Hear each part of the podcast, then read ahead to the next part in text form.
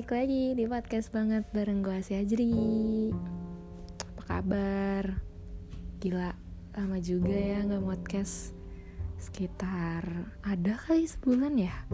Pokoknya podcast terakhir gue yang tentang setan rap-rap gitu.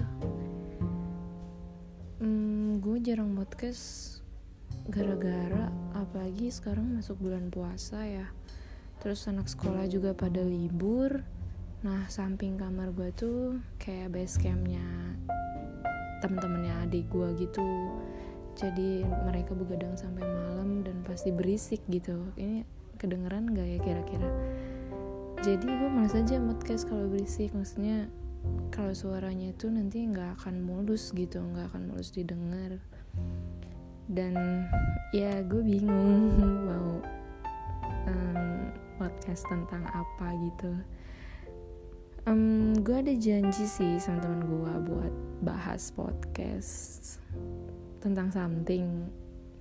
Cuman dia juga lagi eh kayaknya lagi masih banyak pikiran masih gamut dan lain sebagainya. Jadi ya masih ketunda-tunda aja gitu. Nah kemarin tuh gue bikin question gitu di Instagram. Kalau gue bingung mau ya mau bahas apa buat podcast nanti selanjutnya? Nah ada yang jawab salah satu kayak draw your life. Um, menarik sih cuman kayaknya hidup gue terlalu banyak problem gitu. Jadi kayak hmm, gimana ya? Cuman ya mungkin kita bahas kali ya karena gue nggak tahu juga mau bahas tentang siapa-siapa karena podcast gue baru juga jadi gue cerita tentang gue aja. Kali aja teman-teman ada yang mau cerita ke gue dan bakal gue bahas di podcast bisa bisa email gue di aasihazri@gmail.com atau enggak DM aja via Instagram gue by asiazri oke kita masuk ke poinnya Draw Your Life. Gue terlahir dari keluarga yang sederhana biasa-biasa aja. Gue tiga bersaudara gue punya abang satu dan punya adik satu. Nah kehidupan gue ini gue tergolong dididik dengan cara yang keras bisa jadi. Ya bisa dididik dengan cara yang keras. Gue dulu sempat punya pengalaman kayak masih kecil sekolah dasar kali ya. Kalau enggak taman kanak-kanak gitu gue tuh paling takut kalau main terus hujan hujan-hujanan. Itu gue pasti balik langsung domelin sama mama gue kayak domelin tuh kayak yang abis-abisan gitu padahal gue cuma hujan-hujanan. Ya tahu mungkin karena nggak mau gue sakit dan lain sebagainya. Cuman kayak ya anak-anak lain tuh hujan-hujanan nggak apa-apa gitu loh orang tuanya. Tapi mak gue nih kayak larang banget gue buat hujan-hujanan. Even itu hujan-hujanan atau eh gue kan emang kecil tuh gue tomboy. Nah gue tuh mainnya ke sawah nyari ikan becek-becekan segala macem. Tuh mama gue pasti marah banget kalau gue pulang dengan keadaan basah atau kotor. Nah dan ya gue pernah ada pengalaman lagi. Masih kecil sekolah dasar juga gue tuh kayak gue nggak tahu ya uh, orang tua gue kenapa keras terutama dari ibu gue mama gue. Mungkin emang didikan gue itu keras gitu. Ke semuanya sih sebenarnya ke abang gue ke gue ataupun ke adik gue. Gue pernah kayak nginep di tempat saudara gue anjing saudara. Tempat saudara. Tempat saudara gue nginep dan gue udah di rumah saudara gue udah di kamar saudara gue dan tiba-tiba nyokap gue kayak nyamperin gitu nyeret gue buat pulang dan di rumah dibanting ke kasur. Gue sempet pernah segitunya. Dan gue nggak tahu di situ kenapa mama gue ada apa dengan mama gue gitu padahal bokap gue tuh orang yang kayak bertolak belakang banget gitu. Kayak baik banget.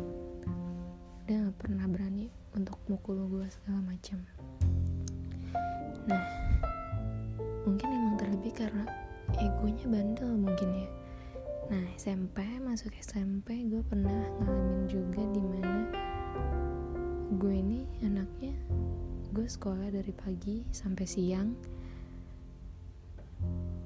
dan siang pun itu gue main sampai sore. Dan itu selalu gue lakuin setiap hari gitu. Nah, mungkin mama gue kayak ya capek mungkin ya. Capek dan yang lihat gue kayak gitu setiap hari tuh kayak eh mau jadi apa? gitu. Jadi gue tuh pernah suatu hari ya kayak kayak diomelin lah gitu.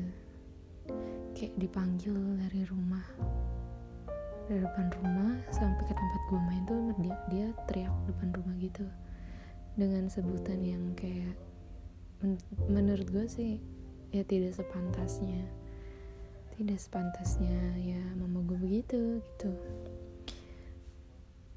Terus gue juga pernah kayak itu event kelas kelas 2 kelas 8 SMP atau 9 gitu gue pernah kayak itu kejadian yang gue pulang sore itu selalu terulang gitu dan gue selalu diomelin dengan kata-kata kasar gitu kayak eh pokoknya nggak pantas deh gitu.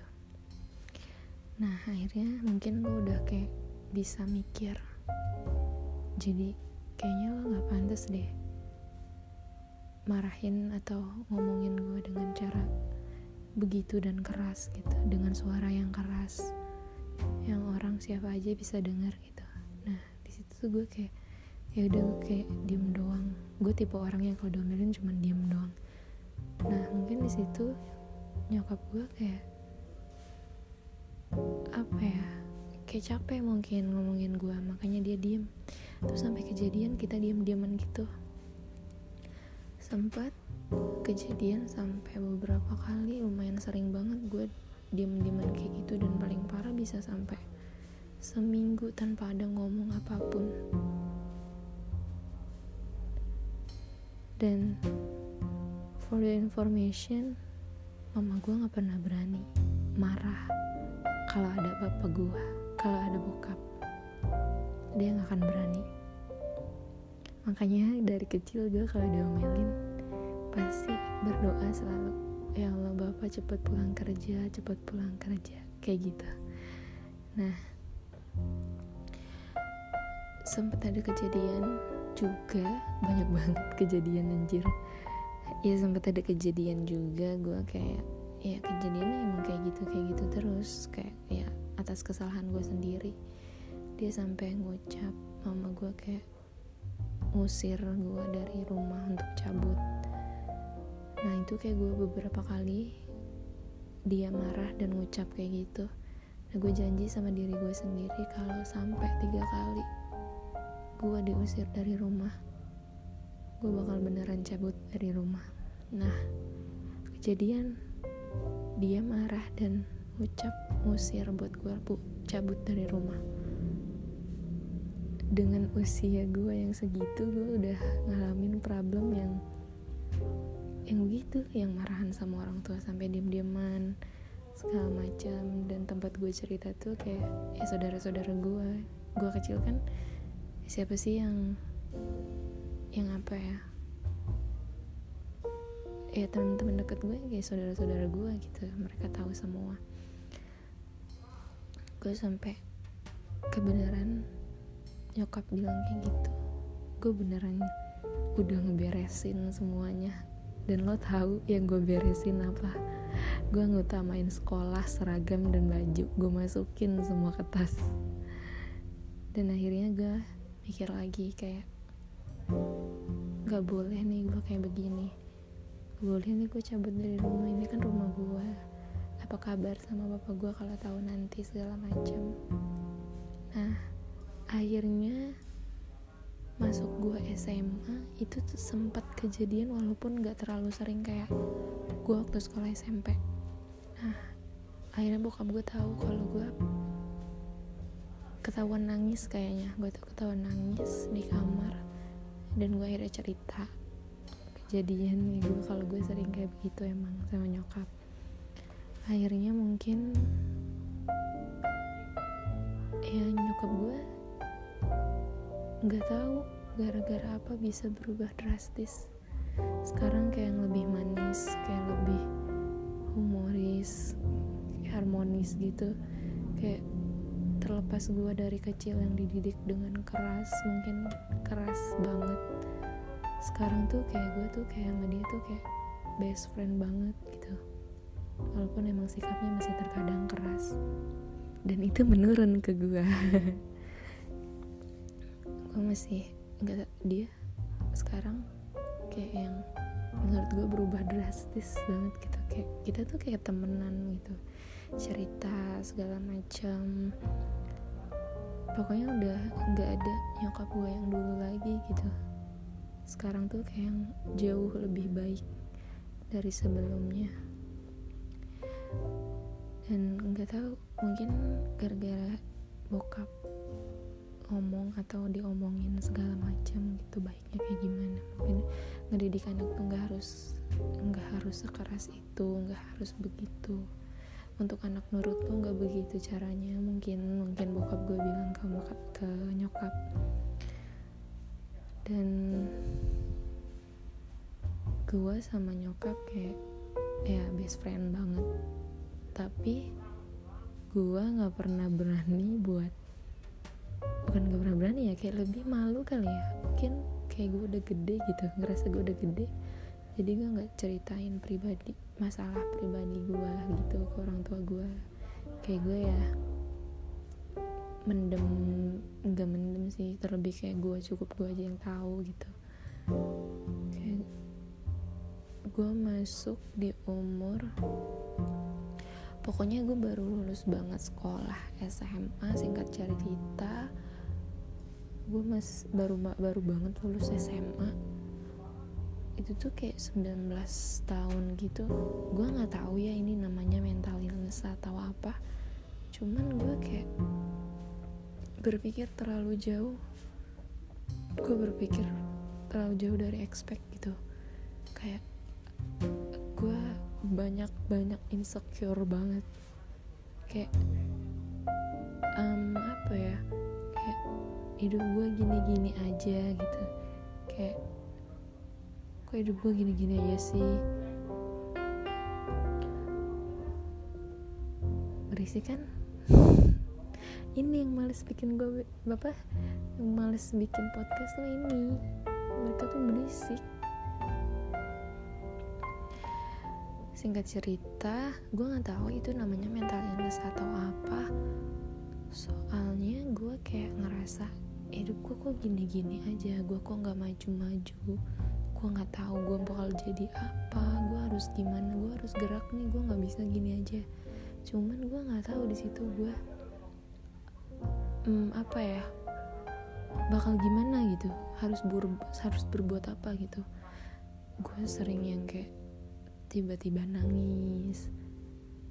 Tiba-tiba nangis nggak jelas. Tiba-tiba kayak nggak enak hati nggak tenang hati gue kayak gitu. Kayak gitu. Kayak gitu kayak gitu.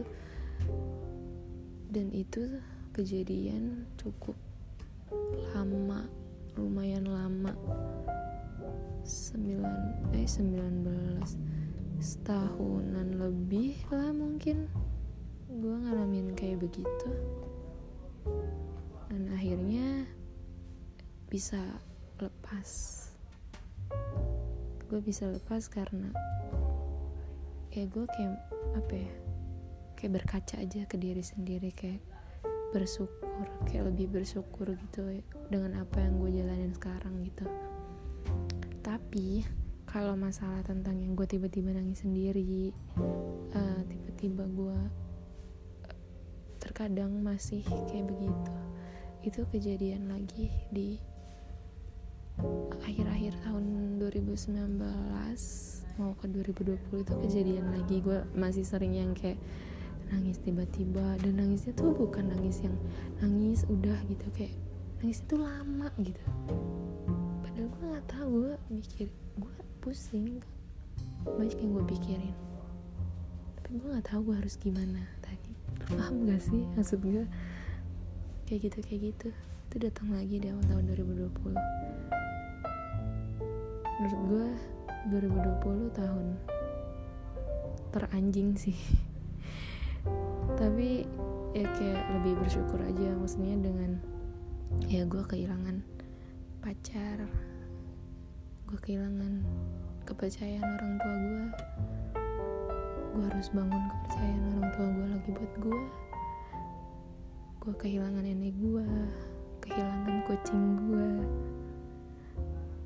dan kehilangan kucing gue yang kayak tragis gitu. Tiba-tiba gue mau berangkat kerja lihat dia kayak badannya tuh luka-luka sama pisau semua. Gue nggak tahu itu dijailin siapa gak lama gue kehilangan nenek gue yang bikin gue kehilangan nyokap gue maksudnya kehilangan nyokap gue ada di rumah gitu. Kayak setelah kehilangan nenek itu nyokap kayak lebih sering di sana di tempat nenek gue jarang pulang karena emang ngurus segala macam kan tahlilan segala macam ada sekitar seminggu lebih gitu dia nggak di rumah dan yang bikin gue kangen gitu.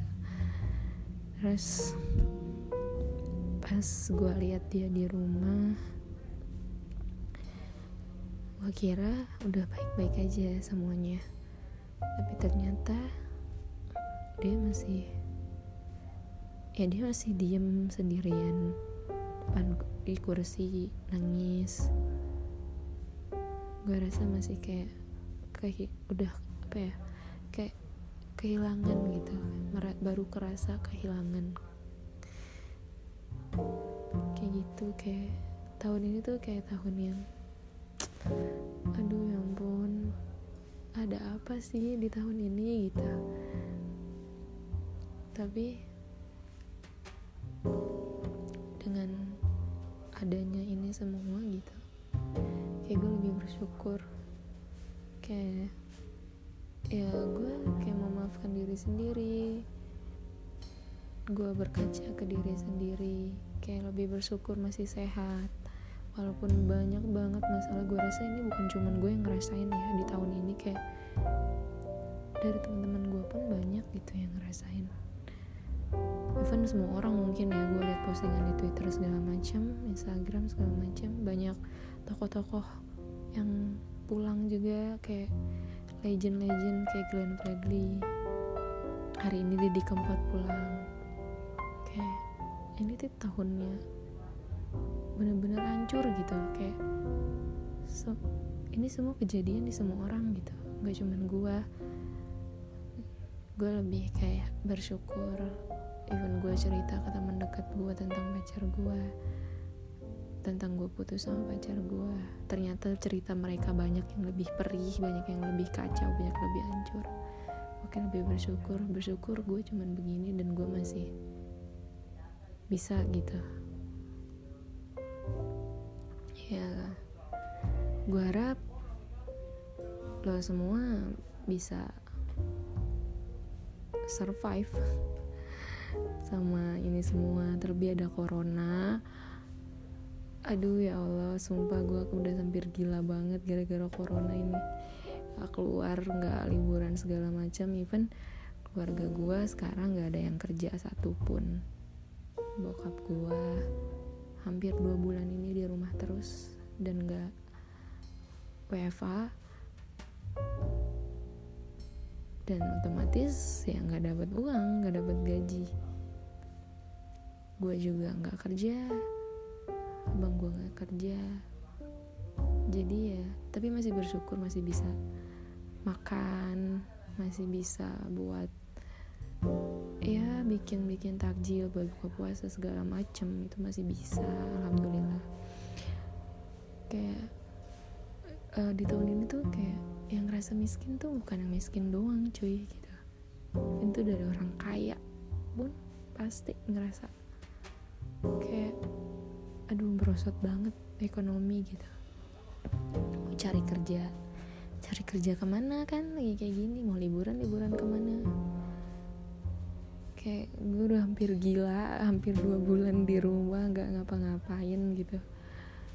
Aduh pusing banget tapi semoga dari ini semua kayak ya kita dilebih dilebih dekatkan lagi dengan ya keluarga bisa kayak lebih internal lah lebih kayak lebih dekat bisa lebih ngerangkul segala macem. Semoga dengan adanya kejadian ini ya kita semua bisa bersyukur dan pastinya berdoa buat ini semua biar cepet kelar gitu. Pasti ya lo semua pasti kangen liburan bareng temen-temen atau pacar atau segala macam kangen masjid rame iya gak sih? Kangen jalanan rame. Gitu. Gua yang pasti ini ngalor ngidul banget anjir. Ya intinya ya kalian yang tahu gua tidak apa yang seperti yang kalian lihat gitu tapi gue emang tipe orang yang gak bisa nyembunyiin kalau gue lagi ada masalah gitu. Pasti ketahuan mungkin gue nggak mau ngasih tahu pun ketahuan dari raut muka gue yang pusing kalau gue lagi ada masalah. Jadi gue tapi gue kayak mempo memposisikan gitu. Kalau gue emang belum siap cerita ya gue simpan sendiri aja dulu gitu. Nanti gue pasti akan cerita pada saatnya gitu. Cuman kadang gue mau cerita tuh kayak mikir cuy. Teman-teman gue tuh masih banyak. Maksudnya teman-teman gue tuh juga banyak masalahnya gitu. Masalah keluarganya ekonomi pacarnya segala macem. Dan gue masa harus ngebebanin mereka dengan cerita gue gitu. Gue gak bisa egois gitu. Kayak ya satu-satunya cara yang bikin gue plong nulis. Dan untuk sekarang gue males banget nulis gitu ya gue nggak ngomong aja kayak gini ngalor ngidul segala macem. Kayak gue mau cerita sama temen-temen gue tuh kayak ya ampun mereka pun masalahnya banyak gitu. Masa masa masa harus gue timpa sama cerita gue gue takutnya mereka terlalu memikirkan apa yang gue cerita gitu. Gue nggak mau sih kayak gitu. Jadi ya semoga kita sehat-sehat aja. Kita lebih baik bersyukur dan jalanin apa yang ada. Gitu deh. Oke deh kalau kalian mau cerita atau hmm, apa ya ya cerita dan bakal gue angkat ceritanya di podcast boleh boleh banget untuk kirim ke email atau Instagram gua. Username-nya Siazri oke deh sampai sini podcast banget kali ini. Sorry kalau uh, ngalur ngidul nggak jelas karena ini ya ya gue draw your life kan. Gambaran hidup gue ya kayak beginilah kurang lebihnya Sampai jumpa di podcast banget berikutnya bareng gue si Ajri. See you. Bye bye.